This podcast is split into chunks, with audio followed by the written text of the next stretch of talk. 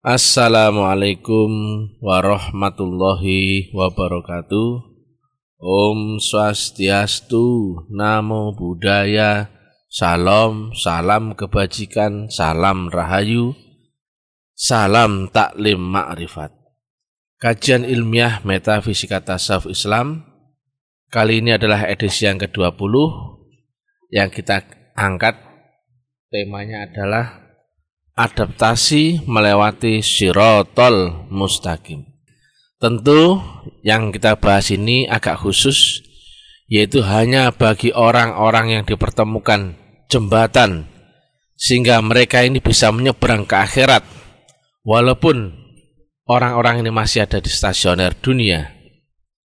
Bisa dilihat apa itu? Ternyata diterangkan di Asura 52 yaitu orang-orang yang menemukan petunjuk akan jalan lurus siratul mustaqim adalah orang-orang yang dibaiat nur iman dan nur kitab. Intinya adalah orang-orang itu diupgrade gelombangnya sehingga punya kemampuan untuk menyeberang ke dimensi di atasnya dunia. Sedangkan manusia umum lainnya itu tidak bisa menyeberang ke akhirat karena akalnya hanya terbatas dengan batas dunia saja. Hilang akalnya, hilang akal sadarnya, hilang pula dunianya. Akan lumpuh, akan pingsan, akan mati. Padahal perjalanan ruh itu mesti melewati dimensi akhirat sampai ke ujungnya. Yang ujung akhirat diterangkan oleh firman Malik Yaumiddin. Raja di akhirat artinya ujung tertinggi di lapisan alam akhirat. Sedangkan petunjuk Nabi, akhirat pun berlapis-lapis. Nah, dunia ini kan hanya sebatas akal. Di atas akal ada dimensi roh, alamnya alam roh, yang juga dikiaskan sebagai alam cahaya, yang itu nama alamnya disebut akhirat.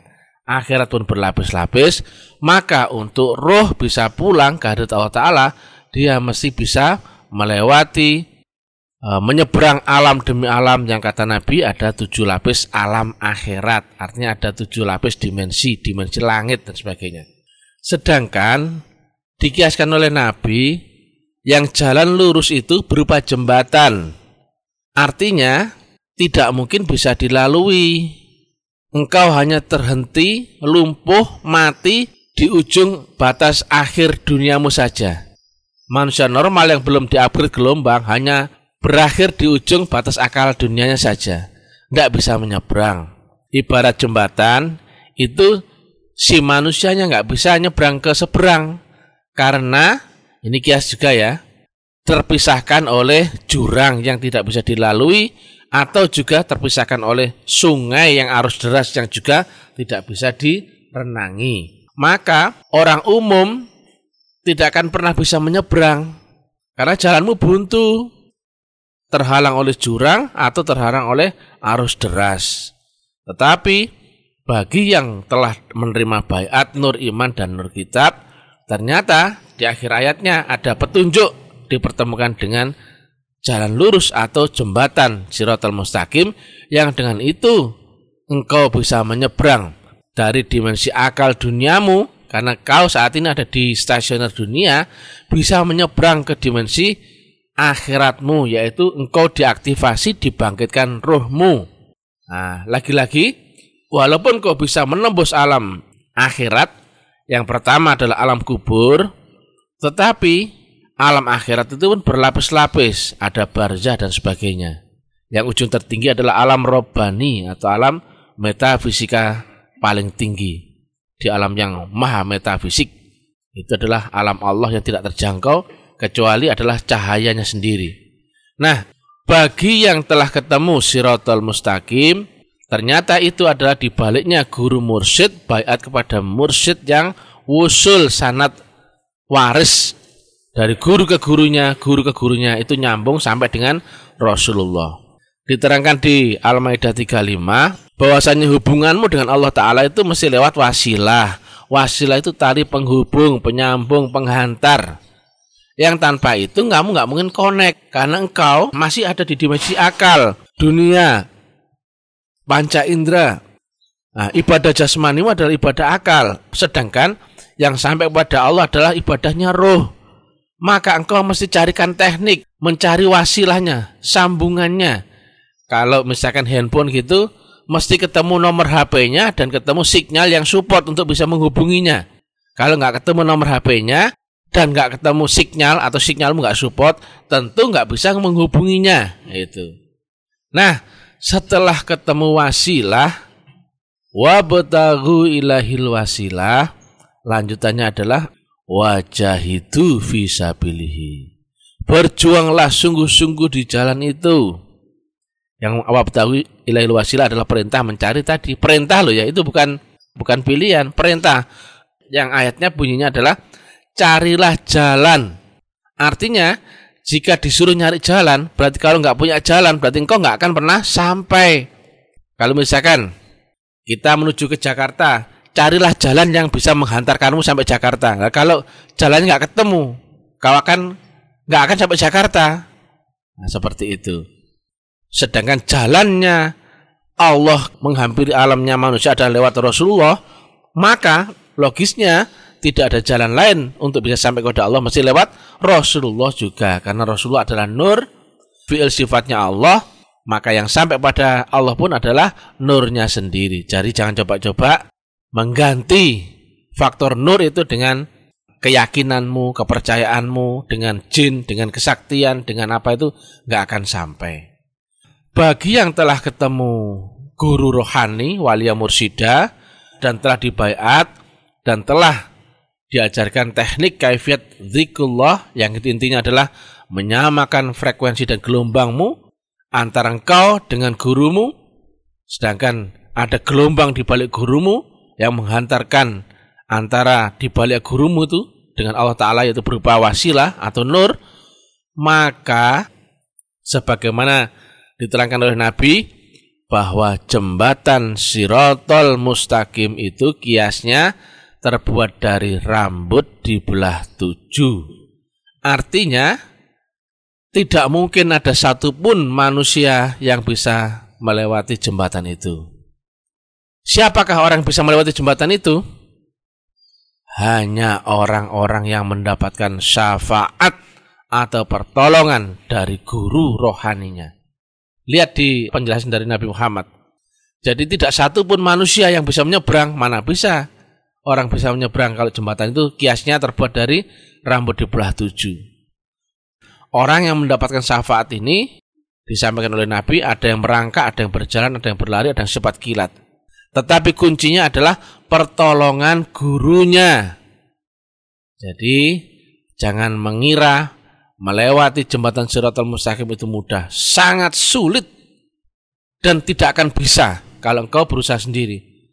Sedangkan Jembatan itu kanan kirinya adalah jurang neraka. Jika engkau tidak lolos nyebrang, maka resikonya pun pasti jatuh ke neraka lagi. Artinya, bagi yang telah menerima bayat dan menerima kaifiat zikrullah, hati-hati. Di pundakmu ada amanah yang maha halus, maha latif, maha suci, maha akbar, maha tak terhingga, yang apabila tidak engkau jaga, kau pun akan dipastikan akan jatuh. Karena engkau akan melewati suatu adaptasi berproses yang itu prosesnya sangat sulit. Karena engkau mesti melepaskan seluruh akal dan faktor duniamu baru bisa melewati sirotol mustaqim itu. Kalau di istilah populer kami menyebutkan jembatan sirotol mustaqim itu adalah black hole atau teori lubang cacing yang di situ tidak ada satupun yang bisa lewat kecuali dia telah bisa mengenolkan dirinya. Akal pun lewat itu pasti hangus. Terbentur, lenyap, hangus. Maka akal pun akan mesti ditundukkan. Pikiran, harapan, keinginan, khayal, ego, harga diri, semua pun mesti lenyap dulu. Karena jembatan itu yang menghubungkan dimensimu yang di dunia untuk bisa sampai ke ars ta'ala itu melewati tujuh lapis alam di alam akhiratnya sendiri. Yang kata Nabi ada tujuh lapis langit. Maka alangkah sulitnya sementara engkau stasionermu masih di alam dunia. kesadaran masih akal. Nah, beruntunglah orang telah menerima bayat yang dia mempunyai peluang memungkinkan, baru mungkin ya, bisa menembus alam-alam akhirat itu dan bisa sampai pulangnya roh ke hadirat Allah Ta'ala dalam keadaan ridho dan diridhoi.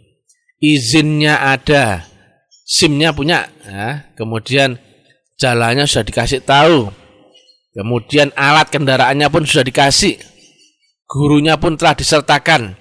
Tapi jika engkau tidak wajah hidup bisa pilih, maka pun itu akan menjadi impossible.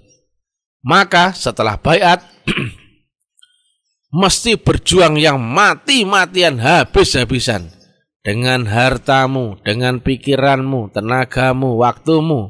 Yang itu mengarahkan kita pada kalimat yang ini pasti sudah familiar semua. Inna sholati wa nusuki wa mamati wa mahyaya. Sungguh hidupku, sholatku semuanya adalah hanya untuk Allah Ta'ala. Jadi beribadah dan, dan menyembah itu tidak hanya dengan tunggang-tungging sholat. Kalau sholat saja itu nggak modal, artinya hanya modal waktu dan tenaga senil saja, sedikit saja. Paling sholatmu paling cuma 5 menit, 6 menit. Lah sehari paling kalikan 5 paling 30 menit. Nah, masa ibadah yang 3600 menit seharinya engkau hanya meluangkan waktu untuk ibadahmu hanya 30 menit. Itu bukan menyembah namanya, itu partisipan. Atau apa ya? Ya seperti itulah. Demikian juga mesti kau korbankan hartamu. Kalau engkau enggak korban itu namanya partisipan.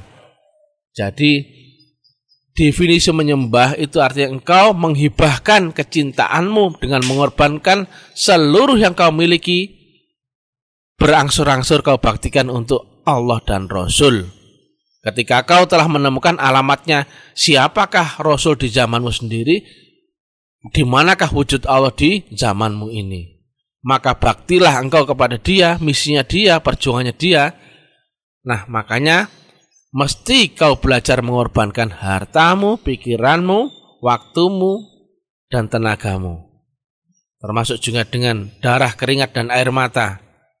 Makanya di zaman Nabi bentuk lanjutan dari setelah menemukan wasilah adalah jihad. Yang dulu bentuknya beda dengan zaman ini. Dulu jihadnya jihad angkat senjata. Karena dakwah di zaman Nabi ya pasti akan ditentang pasti dimusuhi karena Islam datang dalam keadaan yang aneh, dianggap aneh, dianggap asing, maka dimusuhi kaum Quraisy dan sebagainya, sehingga zaman itu yang masih zaman jahiliyah, kondisinya harus angkat senjata atau perang. Tapi zaman ini engkau pun harus menyampaikan visi misi ketuhanan, yaitu agar banyak manusia terselamatkan karena Rasul diutus adalah untuk sebagai juru selamat. Juru selamat berarti menyelamatkan sebanyak-banyaknya manusia. Nah, engkau mesti mengajak orang-orang untuk masuk ke dalam jalan keselamatan di balik guru Rasul. Maka engkau pun harus berani resiko, berani berkorban, berani mati-matian, habis-habisan karena dengan itu akalmu nanti akan lumpuh. Begitu akalmu lumpuh, kau bisa naik kelas. Nah, seperti itu. Engkau bisa naik kelas ke dimensi di atasnya akal. Demikian juga di dimensi di atasnya akal itu akan ada serupa akal lagi. Makanya kami sebut itu namanya gelombang kesadaran. Padahal akal hanya untuk dunia. Di atas dunia sudah lumpuh. Ada yang rasa seperti akal itu sudah bukan akal lagi, tapi itu ruh Roh pun demikian. Dari alam roh lapis yang yang pertama itu pun nanti seperti sepertinya ada akalnya padahal itu bukan akal. Dan roh itu pun mesti naik lagi ke dimensi di atasnya alam roh yang pertama. Nah, anggap saja ultrasonor 2. Demikian juga ultrasonor 2 pun ada akalnya lagi, seolah-olah akal padahal bukan akal.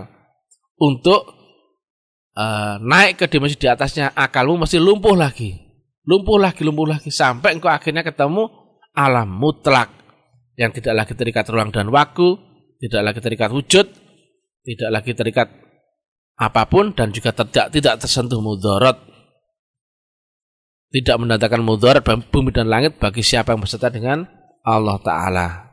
Juga tidak ada kamus kalah dan gagal bagi siapa yang berserta dengan Allah Ta'ala. Artinya apa? Bagi yang telah bayat, itu lanjutannya adalah dengan wajah itu visabilihi. Jadi jangan hanya mengandalkan zikir. Yang kata Nabi, zikirmu, sholatmu, ibadahmu nggak membuat kau masuk surga. Loh, kan kaget orang. Yang membuat kau bisa masuk surga adalah ridhonya. Lah kalau engkau nggak diridhoi Allah, ya nggak bisa. Lah kalau engkau nggak diridhoi Allah yang lewat syafaat guru mursyid, engkau pun nggak bisa. Karena yang berhubungan dengan engkau adalah mursyid, sedangkan Allah yang berhubungan dengan Allah adalah Rasulullah dan yang berhubungan dengan Rasul adalah khalifah Allah dan Rasul yaitu mursyid. Maka hubunganmu langsung adalah hanya kepada guru mursyid, mohon syafaat mursyid yang nanti dipertanggungjawabkan kehadirat Allahu Subhanahu wa taala. nah, menyembah itu minimal 51% untuk yang kau sembah dan minimal 49% baru untuk dirimu sendiri. Nah kalau engkau menyembah hanya korban hanya sebatas 2%, 3% itu namanya penggembira atau partisipan saja. Tapi engkau tidak benar-benar punya Tuhan. Tuhan itu sesembahan. Maka engkau mesti ketemu alamat fokusnya di mana kau berbakti dan menyembah. Nah kalau menyembahmu menyembah angan-angan, pasti kamu akan mengarahkan bagaimana baktimu, korbanmu, dan perjuanganmu kepada yang tidak engkau tahu. Makanya rukun Islam yang pertama engkau harus kenali dulu wujudnya Allah, wujudnya Rasulullah yang harus kau saksikan sendiri. Banyak kesimpang siuran, banyak friksi, banyak distorsi, banyak kesalahan sehingga akhir zaman ini sangat sedikit informasi yang bisa menerangkan tentang teknik mi'raj, teknik sholat khusyuk, teknik wusulnya, teknik wasilah Rasulullah di zaman ini, Allah yang wujud tentang bayat sangat sedikit yang menerangkan itu, entah pemalu, entah penakut ataupun entah tidak bisa saya nggak tahu. Padahal mohon maaf ulamanya banyak, kiainya banyak, ustadznya banyak.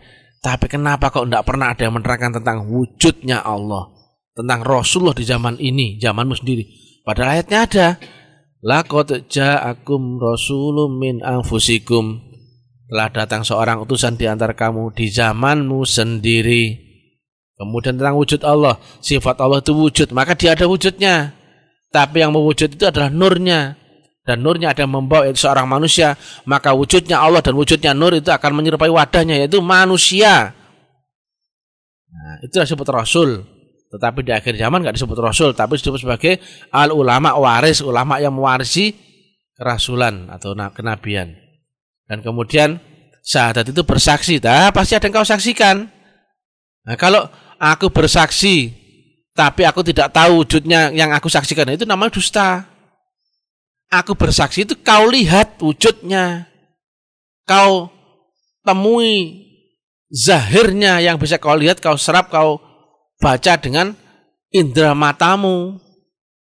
Jadi kita jangan menyembah nama saja, menyembah Allah kau agung-agungkan nama Allah tapi kau tidak kenal sifatnya. Itu pasti rasamu sudah beriman tapi sesungguhnya kamu belum beriman. Islam pun belum, belum Islam. Karena syarat seorang yang masuk Islam adalah syahadat. Syahadat adalah rukun Islam pertama. Jika syahadatnya enggak sah, maka bagaimana nasib sholatnya, puasa, zakat, hajinya? Malah tidak sah lagi. Walaupun syahadatnya sah secara syariat jasmani, tapi kalau rohanimu belum bersaksi akan wujudnya Allah dan wujudnya Rasulullah, yaitu seorang manusia, maka engkau pun sebetulnya belum Islam. Pahit tapi harus disampaikan daripada menyampaikan manis saya menyesatkan mudah-mudahan jadi bahan renungan bahan pikiran karena sangat sedikit orang yang berani menerangkan ini orang yang bisa menerangkan ini Kalau nggak pemalu, penakut yang memang tidak mampu. Ternyata semua, hampir semua, 99,9% tidak mau, tidak mampu, pemalu, atau tidak mampu. Mudah-mudahan manfaat. Salam taklim marifat, salam kebangkitan tasawuf ilmiah, salam rahayu. Jangan lupa ikuti uran-uran ilmiah kami di FB, WA, YouTube, Instagram, Telegram. Dan bagi yang berniat serius ingin belajar, silakan hubungi admin. Bantu share uran kami ke mana-mana agar banyak saudara lain ikut tercerahkan. Jadi, walaupun kau telah ketemu dengan jembatan Siratul Mustaqim itu, yaitu jembatan yang kau bisa memakainya untuk bisa menyeberang ke dimensi di atas alam duniamu. Yang lapis langit pertama di alam roh, lapis langit kedua di alam roh, lapis langit ketiga di alam roh. Engkau mesti dengan jihad yang akbar, yaitu engkau mesti melawan relatifnya dirimu sendiri, subjektifnya dirimu sendiri, engkau mesti sungguh-sungguh berjuang di jalan itu. Demikian diterangkan di Al-Maidah 35. Ilahi anta maksudi waridu rubi. Salam taklim marifat. Wassalamualaikum warahmatullahi wabarakatuh.